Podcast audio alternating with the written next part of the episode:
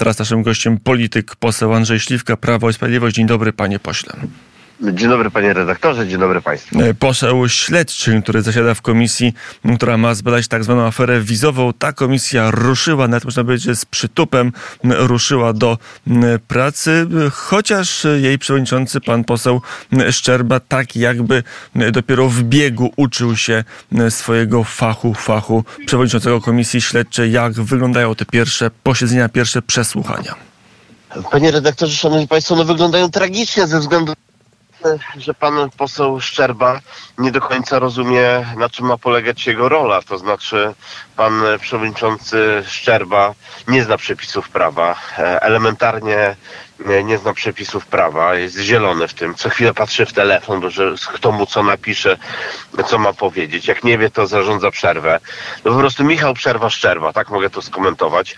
No i, a, i zasadniczym problemem, panie redaktorze, jest to, że w momencie, kiedy my dociskamy świadków z pytaniami kolejnymi, które wynikają z ciągu przyczynowo-skutkowego, no to Szczerba się włącza, przerywa. No, no to jest ewidentnie widać, że politycy Platformy Obywatelskiej mają z tym problem, że obnażamy te kłamstwo wizowe. To znaczy nie było żadnej afery. Dochodziło do pewnych nieprawidłowości, które zostały wykryte przez właściwe organy, przez CBA, przez e, prokuraturę. E, zresztą potwierdziły to prokuratura, która przesłała e, nam pismo, że wynika, że ta wielka, gigantyczna afera, oczywiście mówię to w cudzysłowie, która miała sięgać 300 tysięcy źle wydanych wiz w sposób nieprawidłowy za łapówki, sprowadza się do postępowania, które jest prowadzone prowadzone przez prokuraturę mm, krajową e, dotyczy 607 wniosków i ponad 300 wydanych wiz, więc z wielkiej, gigantycznej afery e, skończyło się na 300 źle wydanych e, wizach, które teraz prokuratura ustala, prowadzi postępowanie, czy Edgar K. brał za to pieniądze.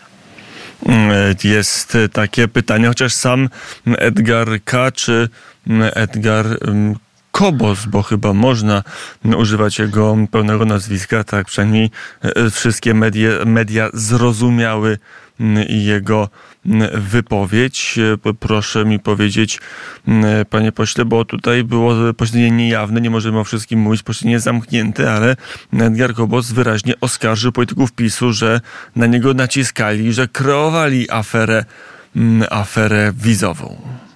No panie redaktorze, to są bzdury. Znaczy to, to absolutnie są bzdury.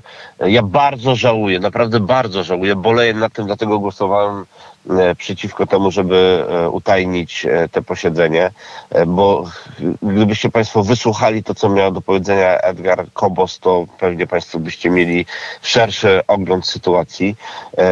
No bardzo z tego powodu żałuję. Ja tylko jedną rzecz powiem.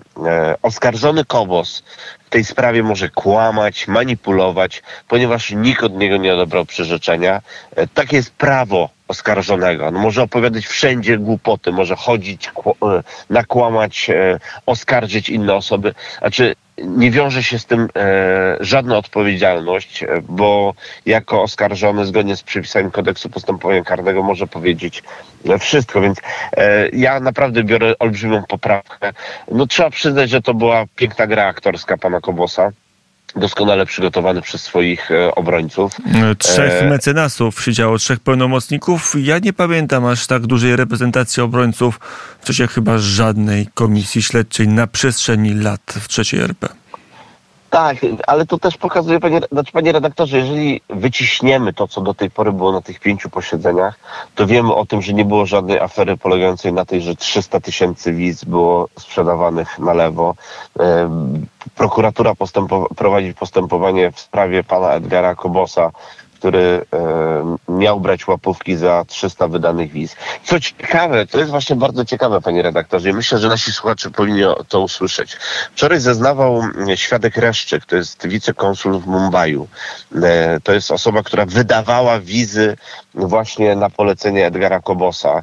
E, I co ciekawe, pan Reszczyk, wicekonsul, to jest ten, który wydał wizy tym słynnym filmowcom z Indii, które później się okazali, że nie byli tymi filmowcami.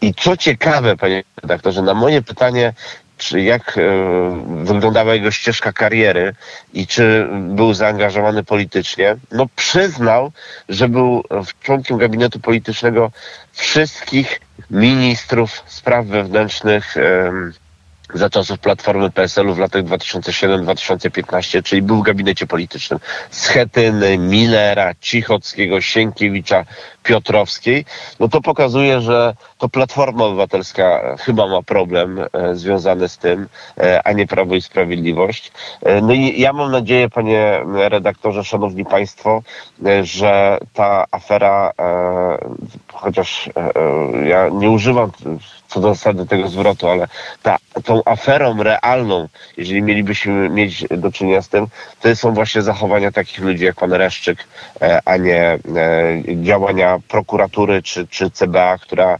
wykryła e, przestępcze działanie pana Kobosa e, i prowadzi w tej sprawie postępowanie. Ja się zapoznałem z tymi aktami sprawy. E, nie ukrywam, że również żałuję, że pan redaktor czy, czy słuchacze, radiosłuchacze Radia Wnet nie mogą się z tymi materiałami zapoznać. Są jak na razie niejawne, ale może uda się odtajnić.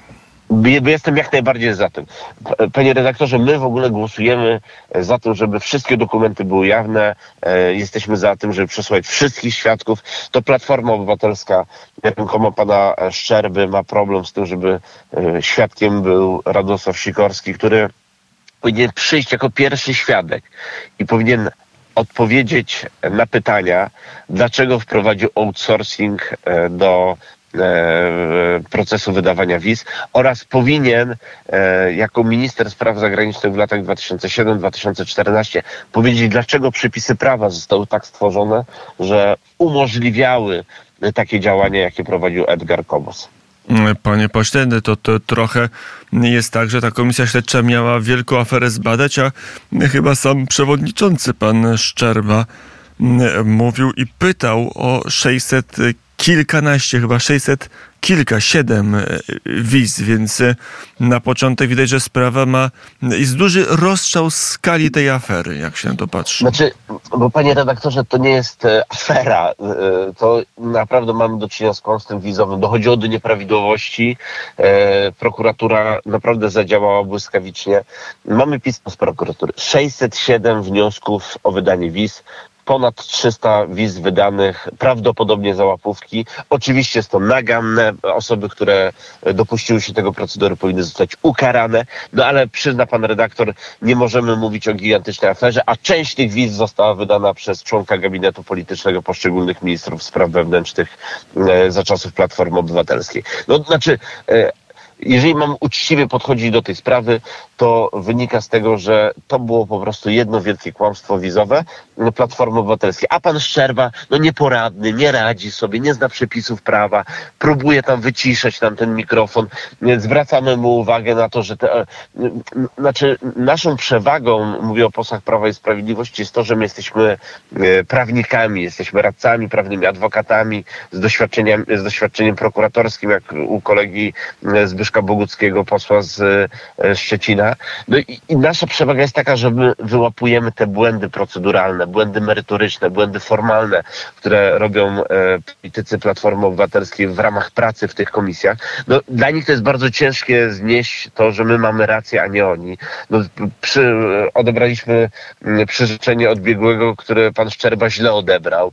E, doszło do kuriozalnych historii, gdzie składają kolejne wnioski dowodowe, e, a nie wskazują na jaką okoliczność jest powoływany ten dowód. No to, to jest taki elementarz, panie e, redaktorze. To student drugiego roku prawa wie o tym. No pan Szczerba cały czas w tym telefonie patrzy, e, tam dostaje pewnie SMS-y, wszystko ma przygotowane. Widać, że mu się ręce trzęsą zestresowane. A może to już na koniec, bo to też wzbudziło zainteresowanie oglądających, że pan przewodniczący Szczerba cały czas zerka z telefon w telefon i cały czas i czasami tak wygląda, jakby coś z tego telefonu odczytywał, tak mówi, jakby No bo nie dostaje instrukcje, panie redaktorze, no bo dostaje instrukcje. Znaczy, on kompletnie nie radzi sobie z tą funkcją. Widać, że jego przerosła ta funkcja. Znaczy, Szczerba z Jońskim to taki duet, no flippy flap polskiej polityki i osoby, które, mm, co by nie mówić, e, no, bardziej śmieszą niż stają się poważnymi, niż, niż są poważnymi postaciami. Ale to no, za instrukcje, czyli SMS-ami ktoś, ktoś do no, przewodniczącego komisji tak. śledczej pisze tak. SMS SMS-y powiedz to, powiedz tamto? Tak, panie redaktorze, absolutnie tak. Absolutnie, absolutnie tak to wygląda. Pan Szczerba po prostu jest na telefon. No, dostaje instrukcje i robi to. A jeżeli nie wie, to pan Michał Szczerba zarządza przerwę. Stąd też złośliwie mówię już no, Michał Przerwa Szczerba.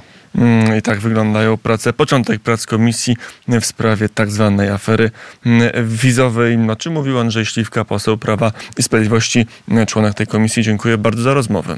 Dziękuję pięknie, pozdrawiam z pięknego Elbląga wszystkich radiosłuchaczy Gdzie Radia pan, gdzie pan redaktor, gdzie, gdzie pan poseł mm, kandyduje na prezydenta, ale to inna rozmowa i ją jeszcze pewnie mm, przed e, 7 kwietnia odbędziemy. Panie pośle, dziękuję za rozmowę i do usłyszenia. Dziękuję pięknie, pozdrawiam serdecznie.